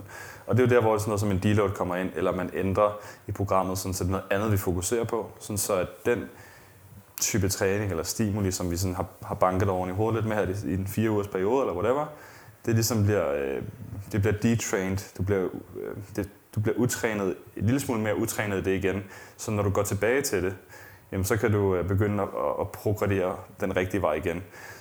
og i løbet af sådan et program, så vil man så vurdere, og du vil fortælle øh, mig, hvordan synes du, hvad, hvad synes du har været svært ved programmet? Er det, er det svært at stabilisere vægten, når du løfter tungt, eller er det fordi, du bliver for forpustet? Øh, er, det, er det syrer du for hurtigt til i en eller anden specifik muskel? Ja, det oplevede jeg jo eksempelvis selv forleden øh, ved, at jeg skulle lave nogle Romanian deadlifts, og så mm. har jeg lavet rigtig meget crossfit inden øh, med chest to bars og alt muligt, så jeg havde simpelthen ikke noget greb tilbage, ja. og jeg havde ikke nogen straps den dag, ikke? så lige pludselig... Men det simple så, fix, det er der, så går man ned, så finder man nogle straps. Ja, men, ja, ja, men, men, ja, men det er det, men, men det, det blev lige pludselig en ja. ulempe, ikke? Altså sådan, øh... Men det, kunne, det er jo noget, man måske også kunne arbejde med sideløbende, mm. men det er alt sammen, det er vigtigt, at man får noget data som, øh, som træner, for hvis du nu havde sagt til mig, at det er simpelthen bare fordi, at jeg, jeg syr simpelthen så hurtigt til min quads eller andet. Så i den deload-periode, vi nu vælger at tage, så er det noget, vi kan fokusere på. Så vi prøver at holde os langt væk fra, fra det, der nu var det, det primære mål, som var at blive stærkere, og så lave noget, der forbedrer lige præcis din lokale udholdenhed, for eksempel i din, i din forlov. Øh, eller øh, det kan også være, fordi hvis du bliver mega forpustet, så kører vi noget styrke, noget resistance training, som er mere fokuseret på at udfordre dig systemisk, så hele kroppen bliver udfordret. Og så går vi tilbage, sådan så du ikke bliver øh, forpustet, når du laver din, øh, din, din, tunge, øh, din tunge squats igen og så føles det lige pludselig meget nemmere. Men det, det er jo super vigtigt, at man så igen, øh, når man noterer sin riger, og man noterer, hvordan det føles og sådan nogle ting, at man så også øh, har en coach, der så vælger at sige, okay, nu kører vi lige en, nu kan vi se, nu går det ikke rigtigt, det er nogle meget små, små forbedringer, vi laver fra gang til gang, eller jeg kan ligesom fornemme, at vi er nødt til lige at deload, og hellere deload lidt for tidligt end lidt for sent, øh, og så se på den lange bane, altså sådan have en, lang, en langsigtet plan, periodiseringsplan, Ja, det, så det er ligesom det, der er fordelen ved at lige pludselig have en coach og en træner, at man har nogen at, at spare omkring sin træning, hvis man mm. rammer en periode, hvor man plateauer, og så i samarbejde ja. med de oplysninger, jeg nu fortæller dig, så finder vi en vej ud af det. Ja. Og, det. og det behøver jo ikke nødvendigvis være, at man har en coach, man snakker med sammen hver dag, øh, eller, eller har et samarbejde, som er øh, sådan meget detaljeret og avanceret, ligesom jeg for eksempel har med sådan en som Andrea. Øh, sådan noget som, øh, så længe man har en træner, der ligesom forstår konceptet i, hvordan man kan, man kan programmere ud fra nogle de data, man får. Man får. Og de skal jo være meget, nogle af dem skal være meget præcise, sådan meget øh, kvantitative, og andre skal være meget kvalitative i forhold til, sådan, hvordan har du det osv. Øh, vi tilbyder for eksempel noget, noget nyt, der hedder online programmering, hvor at du øh, udfylder en hel masse info. Det koster meget mindre, end hvis det er online coaching, eller hvis det er fysisk PT. Men Øh, den øh, check-in-formular, du får efter, der er måske gået en måned, den er individualiseret i forhold til den type træning, du nu engang har lavet. Øh, så, så hvis jeg nu har valgt et styrkeprogram til dig, så står der jo, hvad det er, jeg håber, der bliver forbedret, øh, og, og hvad du selv skal lægge mærke til, sådan rent på, øh, i forhold til biomarkør, og det er sådan noget som din hvilepuls, eller sådan nogle forskellige ting. Øh, og så det der med, at vi ser, at der sker en, en fremskridt, enten i, at du kan løfte vægten hurtigere, eller du kan løfte mere. Og så ud fra det, så vælger man så at lave et nyt program, som bygger oven på det andet, det er det, vi kalder fasepotentiering. Så en fase skal hjælpe den næste. Øh, Øh, og det kan en deload sagtens gøre. Det behøver ikke være, at du bare halverer din volumen, øh, eller halverer det vægt, du nogle gange løfter, eller whatever. Øh, total tonnage, altså forskellige måder, som mange gør det på. Så det er jo røvsygt, og, og, og vi får nok også meget med ud af at forbedre det, som nu engang var, igen var the weak point, og så gå tilbage til den primære, øh, hvad hedder det, stime. Så det handler bare lidt om, og, og vi får nogle gode data, og vi så kan analysere på det. Det behøver ikke være, at man snakker sammen hver eneste dag. Så længe det bare ikke er måske så øh, hvad hedder sådan noget, generisk, at det bare er det samme, alle får. Øh, ligesom hvis man kun går på hold, eller mm. og så videre. Ikke? Du ser ikke nogen ulemper ved aldrig at bruge øh, procenter? Altså sådan, fordi at, altså jeg tænker jo som sagt, det er jo sin egen objektive opfattelse af, hvad man synes, så den er jo ja. helt forskellig fra person til person. Ja, procenter kan man sagtens bruge. Altså alt det, jeg sidder og nævner her, er jo ikke et, et hvad hedder det, øhm, nødvendigvis en kritik af andre måder at gøre det på. Så inden for styrketræning er der forskellige måder, vi kan sådan, som du nævner, udregne øh, eller kende til vores one rep max, og vi kan udregne, øh, så vi kan udregne procentvis, hvor meget vi skal løfte, når vi laver to og tre og fire osv. I starten, hvis jeg starter, det er lige meget, hvem jeg starter med, øh, så er jeg næsten lidt ligeglad med, hvad deres one rep, one rep max er. Altså det er fedt, at vi lige kan se, at den bliver forbedret sådan relativt hurtigt måske, fordi at det er ikke sikkert, at løftet er, gjort, performet på den måde, som jeg gerne vil have det er i det program, vi nogle gange laver. Så er det to forskellige løft, ligesom vi snakkede om i starten. Øhm, så, så derfor så, jeg kalder det en investeringsfase de første 4 til 8 til 12 uger nogle gange, hvor det bare handler om at blive god til øvelserne, og forstå alle koncepterne og principperne i, i de ting, jeg nu engang fortæller og siger. Øhm, og vi er sikre på, at udførelsen er, som vi gerne vil have, den er. Øhm, og, og så kan man godt begynde at smide noget øh, procent ind. Så, så, så kan jeg for eksempel, hvis nu man kører øh, 8 gange 4 i, i back squat, eller man kører 8, 6, 4, som, som du kører lige nu for eksempel, øh, så kan man godt skrive ind, at du skal lægge omkring lad os sige, 75% af din one rep max. Øh, det er sådan suggested, et sted, man kan starte. Og så ud fra det, så kan man, og det er jo igen, det er godt at gøre med nogen, der er øh, disciplineret, men også kender kender til hele det her trænings... Øh, altså jeg synes, det er mere avanceret at lave procentudregninger og give til, til folk, end, end at bare køre med RIA koncept. Finde et sted at starte, og så bare lære konceptet i, hvordan man kan progradere i forhold til at stige i vægt, ændre tempoet, tilføje færre eller flere gentagelser, whatever.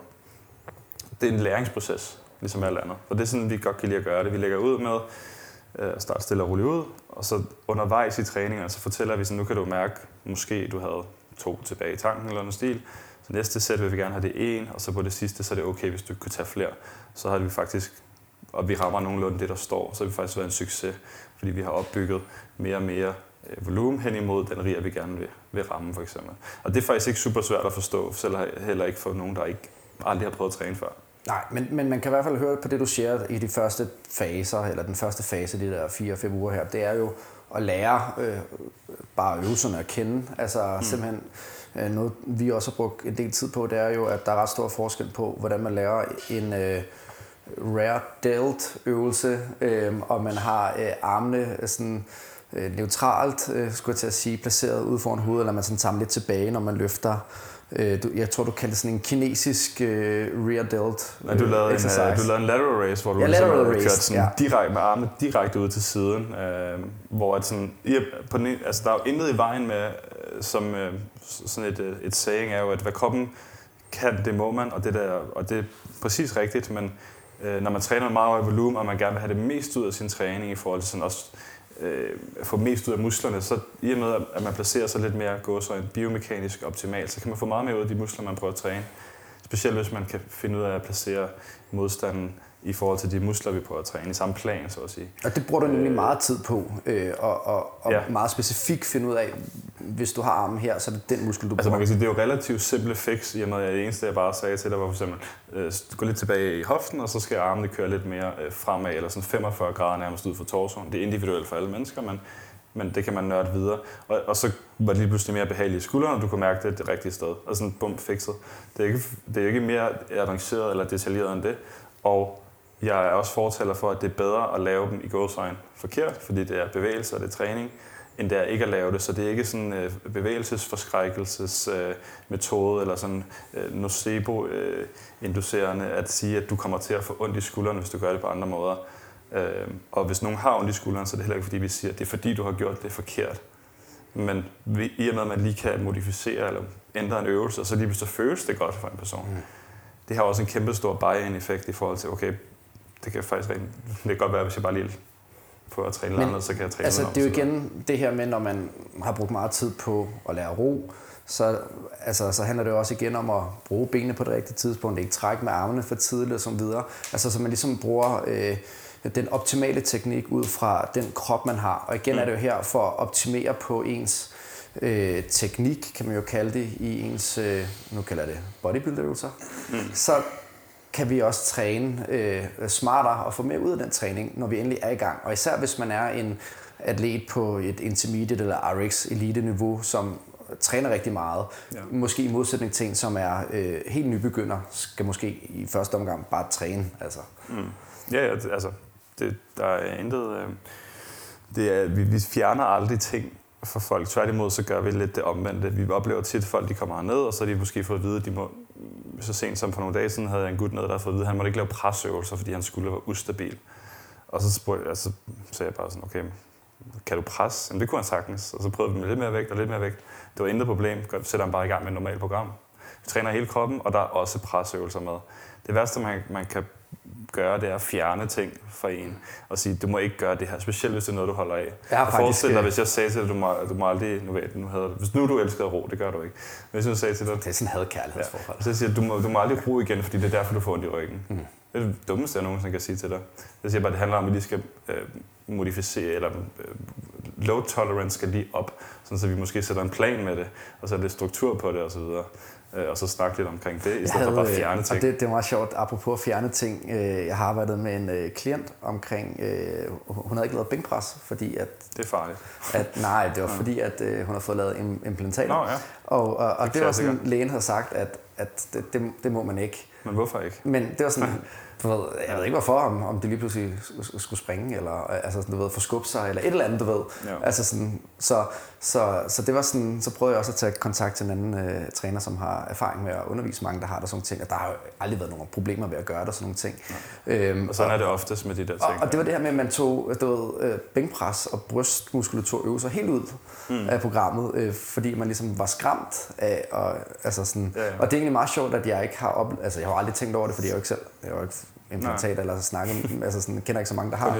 Men så kom jeg til at opleve det i et professionelt øh, sammenhæng, og det, det var lidt, lidt, lidt sjovt. Ja, hvis det er noget, vi... Noget plastikjord, så tager vi imod alt spons, så vi kan få givet nogle implantater. ja. ja, der er nogle Men det er noget, vi oplever faktisk. rigtig tit. For eksempel, man har fået at vide, at man ikke må dødeløfte mm. eller et eller andet. Og så ender den bevægelse, hvor man dødeløfter eller læner sig forover, det ender med at blive farlig. Uh, lige uanset hvilken kontekst det er, og hvor meget vægt der er på, og hvordan man har det osv. Så, så og, og der er jo det, hvor vi, vi introducerer flere bevægelser, end vi fjerner, og når vi har med nogen at gøre, der har ondt, så er fremgangen oftest også nogle gange mere, og så udfordrer den tanke ikke nødvendigvis at lave en perfekt romansk dødløft, men faktisk at løfte med sådan noget som en rund ryg for eksempel. Og ligesom, okay, der skete ikke noget. Eller lave øvelser, hvor at man ender med at sidde med en rund ryg, uden at man nødvendigvis tænker over det, fordi konteksten er anderledes. Det er en måde, man kan... Men nu kommer vi ind på en lidt fys-snak, øh, men det er bare for det, det må vi, også meget det er det, vi kan her. Der, der sådan, ja. tager vi bare den ting. Men det er en ting, som vi som udenfra stående nogle gange, øh, måske øh, fordi at vi også har fokus på, at man kan optimere ting, øh, lægger, tænker, de lægger to og to sammen og tror, at vi siger, at man ikke må løfte ting, uden at det er optimalt eller perfekt eller whatever. Og sådan hænger det overhovedet ikke sammen. Tværtimod, så, så er vi kun ekstremt meget fortaler for al fysisk aktivitet og det er måden, vi behandler alt på. Det står i vores navn, training. Jeg kunne også activity, fordi alt behøver ikke være træningsrelateret for at hjælpe. Øh, så længe man ligesom kommer i gang og får snakket om det osv. Ja, så det er lidt det her med, at det, altså, det er bedre ro øh, uden øh, optimal øh, teknik, i stedet for ikke at ro. Men hvis og, vi kan optimere ja. på roteknikken, så er det jo selvfølgelig øh, klart det bedste. Og for nogen er der rigtig meget værdi bare for at vide, at du må godt ro. Altså, præcis. Du skal ikke stoppe med det. Ja, altså, så farligt er det heller ikke. Nej, præcis. Men det bliver farligt, hvis du får at vide, at du ikke må. Ja, ja præcis. Så øh, det er sådan set en meget god analogi på det, tænker jeg. Vi er ved at være der, hvor jeg har et, øh, et sidste spørgsmål, som måske mange øh, vil, vil tænke kan være en udfordring med det, øh, som du laver, som er øh, også øh, med meget sådan kabeltårn og sådan ting. Mm. Og der er, altså, det har jeg selv oplevet også det her med, hvis øh, det ikke er det specifikke kabeltårn, som vi har, så kan det godt være en udfordring måske at ramme musklen ja. i, i dens øh, helt specifikke øvelse. Mm. Så når man står i CrossFit-center, og mange af vores lytter, de er jo, altså, de er jo egentlig medlemmer af normale CrossFit-centre, som ikke har maskiner, som øh, Norse har, mm. hvor, hvor jeg træner lige nu. Hvad gør man så? Altså, sådan, altså er det ikke en udfordring? Jo, altså igen, der er jo altid optimalt. Og selv i mit eget træningscenter, der er ting, jeg godt kunne tænke mig at have, for at kunne blive ved med at, at lave træningsprogrammer, som bare er så i gåsøjne perfekte til den person. Øh, men øh, sådan noget som elastikker kan man jo bruge, øh, og så kan man også godt bruge håndvægt osv. Det er bare, man skal bare forstå, hvordan man skal, hvordan man skal sætte øvelserne op. Så derfor har jeg også brugt noget tid på at lave et, vi har et stort øvelsesbibliotek for eksempel, både til vores, øh, til vores klienter og til min øh, online coaching og vores øh, online programmering. Sådan så der altid er en, en, en videoillustration. Så hvis nu der står på, at du skal lave en anden vis kabeløvelse, øh, så vil jeg altid lige have hørt i, i hvad hedder det, øh, personen om, om de har, hvad de har til rådighed, og beder dem om at sende et, en video af deres træningscenter og tage nogle billeder af det, der nogle gange er. Så det er meget nemmere for mig logistisk set, og også hvilket udstyr der er til rådighed og planlægge det. Men man kan, man, ved at bruge elastikker kan man faktisk med ikke mange ting. Man skal bare tænke på, at modstanden i en elastik er jo sådan, at den bliver hårdere og hårdere, jo mere du trækker i den. Og det, øh, specielt for trækøvelser for eksempel, så er det jo ikke specielt smart, fordi at vi bliver sværere og sværere, jo længere ja, musklen sådan muskulært set bliver sværere, jo mere den bliver forkortet, når vi laver træk. Så der er nogle udfordringer ved det. Men i og med, at jeg også øh, har arbejdet en del med Andrea for eksempel, og også andre, der træner i andre træningscenter tidligere, så finder vi på alternativer. Jeg skal også tænke på, at vi har også prøvet at arbejde på øh, fysklinikker, hvor der findes kun en brix og så nogle elastikker, fordi det er jo svært, som det er mange steder. Så vi har meget erfaring med at få det bedste ud af det, der nogle gange er. Øh, I stedet for at sige, at du skal træne med en eller anden specifik greb i en eller anden specifik maskine osv. Det er selvfølgelig dejligt, når det er til rådighed. Det gør det hele meget lettere. Men vi kan sagtens modificere. Vi lavede for eksempel Preacher Curls hos Andrea med en rød elastik, den tynde elastik, men med sådan nogle fat grips Ja. rundt om. Ja. Så det kan jo godt lade sig Det var gøre. kraftet hårdt. Ja, det var også hårdt. Ja, men der er jo et eksempel på, sådan, hvordan du igen, så har du en øvelse, som er, mm. din arm er placeret sådan, så at biceps bliver helt forkortet, når du, når du bøjer armen, fordi den er, at at skuldrene er i i det, der hedder flexion, Ja. ja. mens du bøjer albuen. Og så er der også en elastik, der bliver hårdere i takt med, at du kommer længere og længere op. Så det er sådan en øvelse, jeg måske også godt kunne have lagt ind i hans program, selvom han måske havde kabler til rådighed, i og med, at så vil det meste af den volumen, han laver der, eller i hvert fald størrelsesordenen af den, vil være mest op der, hvor han, musklen er helt forkortet, så han bliver overhovedet ikke øm af det. Nej. Tværtimod så har han det bedre efter det. Ja. Ja. Hvorimod hvis vi har gjort det omvendt, måske med håndvægte, hvor at sådan, den var hårdest ned i bunden, Mm. Jamen, så ville han blive øm af det, og så ville det ikke være særlig godt for hans gymnastic work og alle sådan nogle forskellige ting. Nej, det var også nemlig noget, vi snakkede om en del, at, at det kan være et problem, hvis man render rundt og bliver så øm, at det går ud over ens træning mm. efterfølgende. Og det var også det, jeg lige sådan startede øh, den her halvdel af podcasten med, at så havde jeg lavet en masse øh, Ja. gymnastik, som gjorde, at jeg var så øm, at jeg ikke altså, kunne holde fat i, Mm. I, i stangen, når jeg skulle lave de her Romanian deadlift. Ja. Men så er det jo så der, hvor man snakker med sin coach og hører, om så bruger vi straps i stedet for, fordi formålet er ikke at træne greb i den øvelse, men at træne din øh, baglov. Ikke? Og der, er, og der er endnu flere måder, vi kan gøre det lettere i forhold til, og det er sådan nogle ting, vi snakker om løbende. Så udover at bruge straps, så kan du bare lade stangen gå lidt længere væk fra kroppen, for eksempel. Så vejer den mere, men det er ikke lige så hårdt for dit greb. Og så er det bare noget, man noterer i sit program, og så går man videre, og så kan man tænke lidt over det til næste øh, uge, hvor man, og man, skal man lægge gymnastik så tæt på, hvis det er muligt i forhold til sådan ens livsstil og videre. Mm. Så det er sådan, du kan sige, der er jo, Det, er jo var, så det var det, der ikke var nemlig. og Nej, så- men det er og jo så det øh, ekstremt øh, individuelt og multifaktorielt, alle de her ting. Så, så hvis der er nogen, der siger, at de har en klar løsning på alle ting, så er det oftest fordi, de måske ikke ser det helt store, store billede af den person, de nu engang arbejder med. Mm. Ja, så det er især, øh, ja, det grundlæggende vi kan tage øh, med herfra, det er jo som meget andet i livet, så, så handler det jo meget om den enkelte persons øh, muligheder og øh, behov, og det er jo øh, i samarbejde med ens coach, og i, i det her tilfælde dig, man så finder ud af, hvad de behov er, og de muligheder, man har. Mm. Jeg tænker, inden øh, vi runder af, en meget vigtig ting, som mange sikkert sidder og øh, er meget spændt på at, at finde ud af, det er, Hvor fanden kan man? Nej, nej, nej, nej. Nå. ikke, ikke hvor fanden, det, det ved de nok ikke, hvor fanden, hvor man kan finde det der, men øh, det er, hvad løfter du selv i dødløft og back squat og bænkpres? Det er jo de tre smukkeste løft. Altså, øh, jeg squatter slet ikke med barbed, og jeg og dødløfter sådan set heller ikke med en barbed, hvor jeg laver Romanian deadlifts. Der kan jeg godt, der kan jeg køre reps på 180. Hvad med dengang, du lavede CrossFit? Hvad, hvad, Jeg har aldrig været sådan super, super stærk. For men, øh, helvede, Romania deadlift på 180 kilo, det lyder sindssygt ubehageligt. Ja, og det går kun i øh, bagkæden. Ikke fordi der er noget vejen med at, at tage dødløft for gulv. Det har også mange klienter, der gør, fordi de bare gerne vil det. Mm. Men øh, jeg er jo ikke super stærk. Jeg har kørt, sådan noget, jeg har kørt 160 for en i bænk. Det er måske det, der, der er mest imponerende. Sådan Jamen, jeg har set træer på 200 i back squat. Træer på 200 i back squat er meget pænt. Ja. Jeg har også set dig uh, smide, at du lavede en dip med ret mange kilo på. Ja, det er sådan en modificeret dip-variation, Ah, okay. vi, vi, vi laver, men der kan vi godt have en, tæt på 100 kilo i bæltet, ja. Så det er bare sådan en... øh, Det kan man se inde på Instagram. Ja, præcis. Nå, men det, det, var, det var meget vigtigt. Men nej, altså det er ikke er nogen specielt imponerende øh, tal, men vi er jo vant til at træne, og vi har også mange klienter, der sætter sådan noget rimelig meget øh, værdi i, at vi faktisk træner og selv trænet meget hårdt.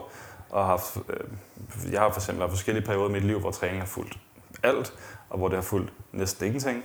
Øh, men rent professionelt har det jo altid været en del af mit liv. Øh, og det, det er nok godt som træner. Det er nødvendigvis ikke bedre end en træner, som kun har kørt the grind life, aldrig har sprunget en træning over osv. Og, og det hele bare er øh, perfect. Øh, det, er nogle gange så er det også lidt nemmere at sætte sig ind i, hvordan andre har det, hvis man hvis det ikke er det eneste, der fylder i ens liv. Det kommer selvfølgelig an på, hvem det er, man hjælper, men, mm. men det giver bare et større perspektiv nogle gange.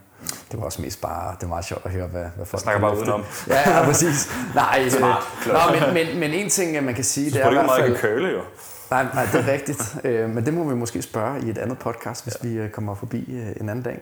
En ting, man kan sige i hvert fald, det er, at det har virket for André, siden vi besøgte ham. Har han lavet to PR's, som er, er ret voldsom karakter. Han har lavet et 170 kilo squat clean. Og han har lavet, så jeg for nylig, 135 kilo i snatch. Det vil sige, det var en 5 kilo PR, skrev han. Han så. bænker også mere, skal det så lige siges. Og selvfølgelig bænker han Overhead også mere. Overhead presser mere. Ja, ja, ja. Alle barbedøvelser, som vi ikke laver så meget af. Ja. Men, men især de to uh, ting er noget, folk går op i, og især snatch er jo mm. kongeløftet med alle. Og lige pludselig, hvis man kan lave 135 kilo i øh, snatch, så nærmer man sig altså øh, at være der, hvor man er i toppen af verden i, i det løft i hvert fald, i forhold til de andre, som er individuelle atleter. Selvfølgelig er der jo specialister, der kan løfte endnu mere, men i de andre, der er i top 5, der ser vi ikke mange, der har løftet 140 Det allerfedeste er jo, at samtidig så har han det bedre i kroppen, han har brug for Præcis. at varme op mindre osv. Og, og det er jo alt det her specifikke arbejde, vi laver i forskellige dele af, af musklernes bevægelseslag og ledene, så han er stærk igennem hele. Så vi bruger mindre tid på mobilitetsarbejde, men mere tid på det, I kalder måske styrkeøvelser, bodybuilding-øvelser. Og hvis man nu sidder derude og tænker, ikke nødvendigvis, jeg kunne også godt tænke mig at snatch 135. Det tror jeg, alle tænker på et eller andet tidspunkt i deres øh, crossfit. Jeg, jeg er bare spændt på, at han kommer til at ramme 140 på tid. CrossFit liv. Men fremtid. hvis man nu tænker, at jeg kunne godt tænke mig at blive bedre overall, også have det bedre i kroppen, ligesom André har fået det, og det virker som om, man får. Hvor, hvor, hvor søger man? Du, der er noget personlig træning, der er også noget online programmering, der er også online coaching. Hvor, hvor finder man det hele henne? Jamen, øh, vi har vores hjemmeside, der hedder nordicperformancetraining.com. Der er ja. et langt navn, men øh, kan bare google det. Øh, lige nu er vi i det højst øh, rated personlige træningscenter i hele Danmark øh, på Google. Boom. Øh, så gå ind og læs nogle af, af de mange historier og anmeldelser fra vores, øh, vores klienter. Øh, det kan være, at de har haft øh, samme øh, problemstilling som, som en selv, så nogle gange så hjælper det med at læse andres historie, mm. øh, og så lige se, okay, det er faktisk, hvis jeg er lidt tålmodig og og har et åbent sind, så kan man faktisk komme ret langt med, øh, med træning, eller bare have en samarbejdspartner på det område. Øh, og så følger os på Instagram, Nordic Performance Training hedder vi også derinde. Ja. Øh, det skal lige blive lidt bedre til at lægge lidt mere op, men, øh, men det er en rimelig fed Instagram, hvis jeg skulle sige det. Og ellers så har, øh, så har jeg min egen private, der hedder Kasper Vinter, og så et S til sidst, så Kasper mm. Vinter også. Det er fordi, at Kasper Vinter var taget, og så var jeg ekstremt... Øh... Så var det Kasper Vinters Instagram? Ja, det er min Instagram, ja, så, så er du ikke i tvivl. Ja. Øh, og der, der prøver jeg at være sådan relativt frekvent med at lægge, med at lægge øh, ting op, og det så mm. kommer sådan lidt i, i perioder. Jeg ja, du er ret flittig, synes jeg. Det er ret gennemførte øh, opslag, du laver med mange forklaringer, og sådan visuelt sidder du på computeren bag dig her og, og, og laver dem på den måde, eller? Det svære ved Instagram er jo, at det skal jo helst ikke være for detaljeret, men det er svært nogle gange ikke at miste alle nuancerne, og man ved jo også, at dem, der sidder og læser, det er jo selvfølgelig også andre trænere osv., mm. og, og, og det er svært også derfor, at der er måske mange, der ikke rigtig... Øh, der er ikke så komfortabel med at lægge ting ud på Instagram. Og det er sådan en ærgerlig tendens, vi måske skal blive bedre til sådan at, at lade være med at være for øh, kritiske, eller ja. måske være kritiske på ting på Instagram, pænt men lige præcis øh, snakke pænt øh, og ikke øh, kritisere for meget, for det, alt kan ikke være et Instagram-opslag. Og alt, ligesom vi har snakket om i dag, vi er jo overhovedet ikke dykket ned i detaljer med noget som helst. Nej, så alting kan hurtigt sådan blive ja. misforstået. Og, mm. Øh, og det er sådan en ærgerlig tendens, der gør, at man ikke har, folk ikke har lyst til Instagram og podcast osv. Men øh, Kasper Winters hedder det. Kasper øh, og gå ind og tjekke vores hjemmeside, og der kan man også øh, ansøge på sådan noget som programmering, eller øh, hvis man har brug for hjælp til det. Ja. Og ellers så har vi også øh, øh, Lukas Iversen, min, øh, min marker, han hedder bare Lukas Iversen, og så øh, Philip Gray, som øh, hvis man skal nå hans side sammen, så skal man godt nok ind og skynde sig, fordi at, øh, det, det stikker fuldstændig af. Han er ja. rigtig dygtig. Og ellers så har vi også Victor Forsman, som apropos Instagram lægger rigtig mange gode opslag op. Mm. Jamen altså, ind og følge med. ja, og man kan også følge, øh, altså vi har 6.200 øh, følgere på CFM, tror jeg det er.